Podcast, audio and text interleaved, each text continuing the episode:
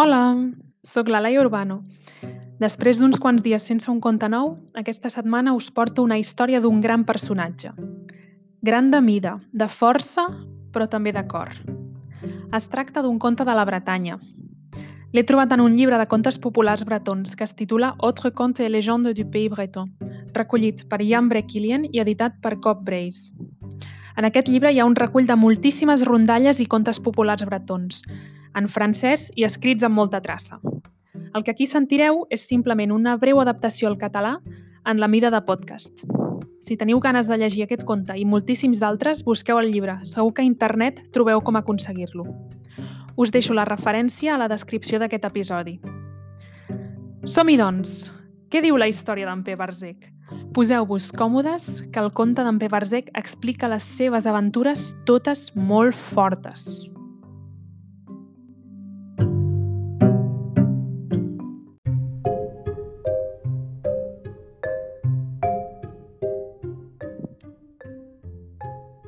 En bretó, Pebarzec és com diuen el número 14.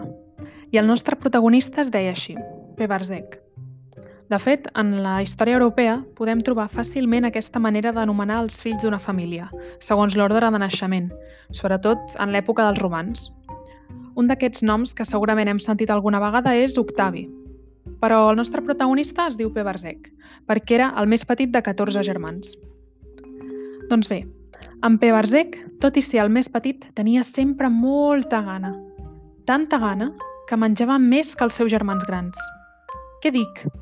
Menjava tant que a casa havien de preparar menjar per a 30 persones per tal de satisfer el seu apetit. La mare, vídua de feia temps, feia tots els esforços per posar un plat a taula per tots els seus fills, i els més grans també l'ajudaven treballant. Malauradament, de vegades no en tenien prou. Però per sort, al poble tothom era molt solidari i quan faltava una mica de sopa, algú trucava a la porta amb una marmita plena de brou, ple, plena de brou calent o quan la carn escassejava, d'una banda o altra sortien un parell de gallines per la família. En Pebarzec va anar creixent i quan tenia 14 anys tenia una gana tan gran que li sabia molt de greu menjar tant, quan a casa no podien posar apenes un plat a taula per tots. Així que, mig avergonyit de sentir-se una nosa, va dir-se que amb 14 anys, amb la força que tenia, com, com 14 forçuts, podria trobar feina fàcilment. Així que va agafar un fuet que li va oferir la seva mare i va marxar de casa. Un fuet, no de menjar, eh? Era un objecte que li permetia guiar ramats fent espetecs en l'aire. Va arribar a una granja i va demanar si necessitaven ajuda. Van dir-li que havia de guardar les vaques mentre pasturaven, en Pebarzec va acceptar. Però quan estava enmig de les pastures va començar a tenir gana i fora de si, guiat pel seu estómac que rugia, va fer una gran queixalada a una vaca i en un tres i no res només en quedaven els ossos. Al vespre, el granger, en veure que li faltava una vaca, va culpar-ne en Pebarzec i el va despatxar de males maneres.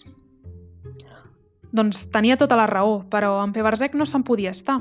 Tenia tanta gana. Ben aviat va trobar feina amb un forner, on carregava els sacs enormes de farina. El seu patró, en veure la força del jove bailet, ben aviat li va ensenyar a amassar el pa, ja que ell ho feia 14 vegades més ràpid i aconseguia 14 vegades més quantitat de pa que qualsevol aprenent que havia tingut. En Peverzec hi estava molt bé allà. Tenia tot el menjar a disposició i s'avenia molt amb el forner però aquest ja era vell i al cap de poc va morir. I en Pebarzec es va quedar sense feina.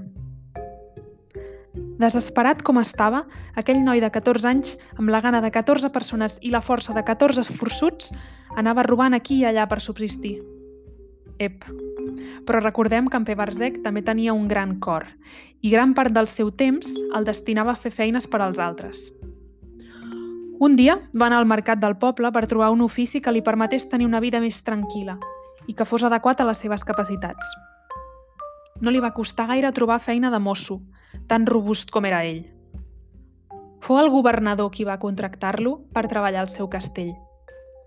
Van acordar les mesades i la durada del contracte, i el governador, per tal de mostrar-li confiança, va convidar-lo a dinar per segellar el tracte.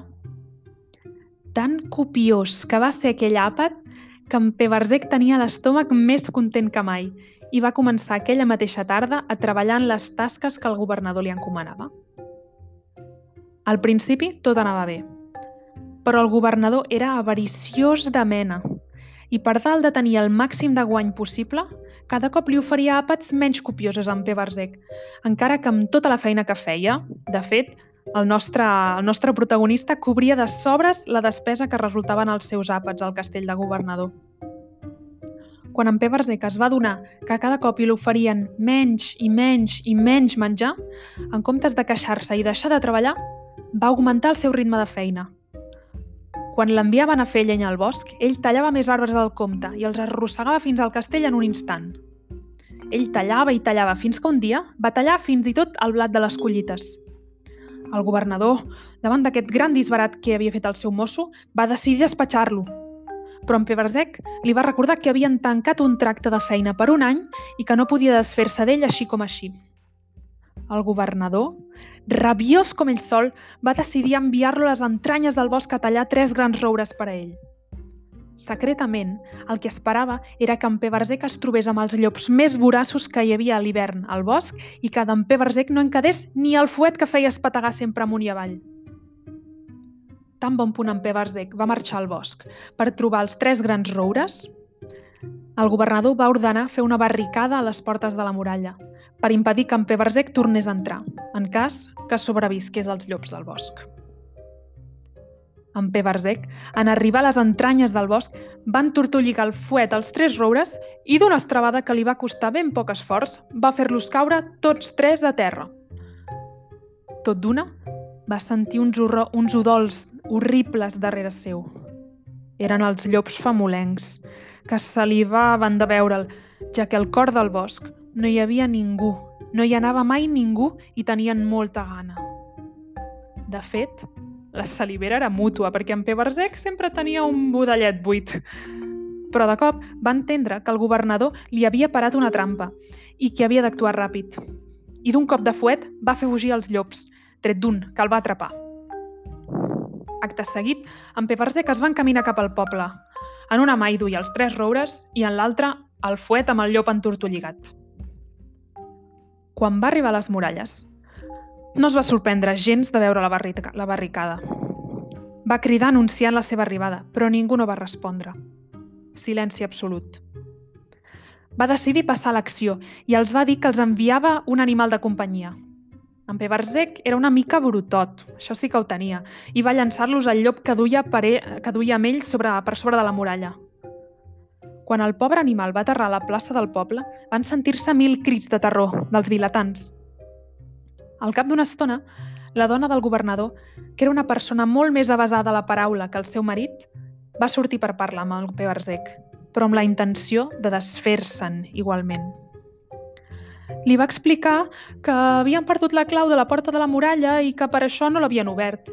I va canviar de tema de seguida, explicant-li que estava molt trista perquè aquell matí havia perdut el seu collaret més preuat, fet de diamants, dins del pou del poble.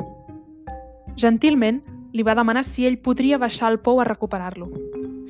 En Peversec, mm, obligat a, a obeir, ja que era oficialment encara el seu mosso, va baixar al pou per buscar el collaret de diamants. En Peversec remenava i remenava entre el fang, però no trobava res de res. Va demanar si li podien llançar alguna cosa per ajudar-lo a furgar entre els llots. Amb mala bava, els vilatans van llançar-li una barra de ferro.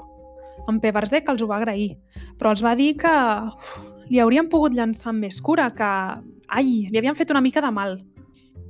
Dins del pou hi feia fred, i en Peversec, temorós d'agafar un refredat, els va demanar si li podien llançar una mica d'abric. En comptes d'això, els vilatans van llançar-li la roda del molí de farina.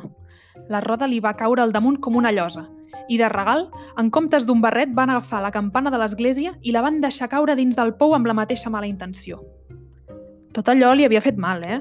Però en Peversec estava ben a la guait amb la campana entaforada al cap, la roda de molí al voltant del coll i la barra de ferro a la mà, continuava buscant i buscant, buscant i buscant, fins que va entendre que novament li havien parat una trampa i que allà no hi havia cap collaret de diamants. Mentre des de la superfície li continuaven llançant tota la ferralla que trobaven, en Peversec, el pobre, va sortir com va poder del pou i va anar directe cap al governador i la seva dona, que s'ho miraven des de la llunyania. Tot i que estava més enfurismat que mai, en Peversec va trobar les paraules justes per finalitzar els tractes amb aquells mals senyors i poder tornar a casa.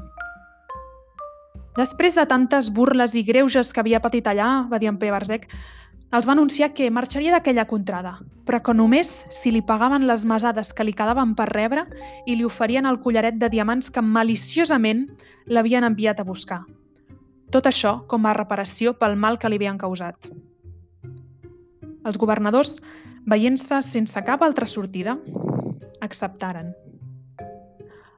I en Peversec va decidir, amb totes aquelles mesades i aquell collaret tan valuós, tornar a casa per viure tranquil amb la seva mare i els seus germans i oferir a la seva família els guanys que duia amb ell després d'aquesta aventura. I aquí s'acaba el conte d'en P. Barzec, el fill més jove d'una família de 14 germans, de 14 anys, amb l'apetit de 14 persones i la força de 14 forçuts.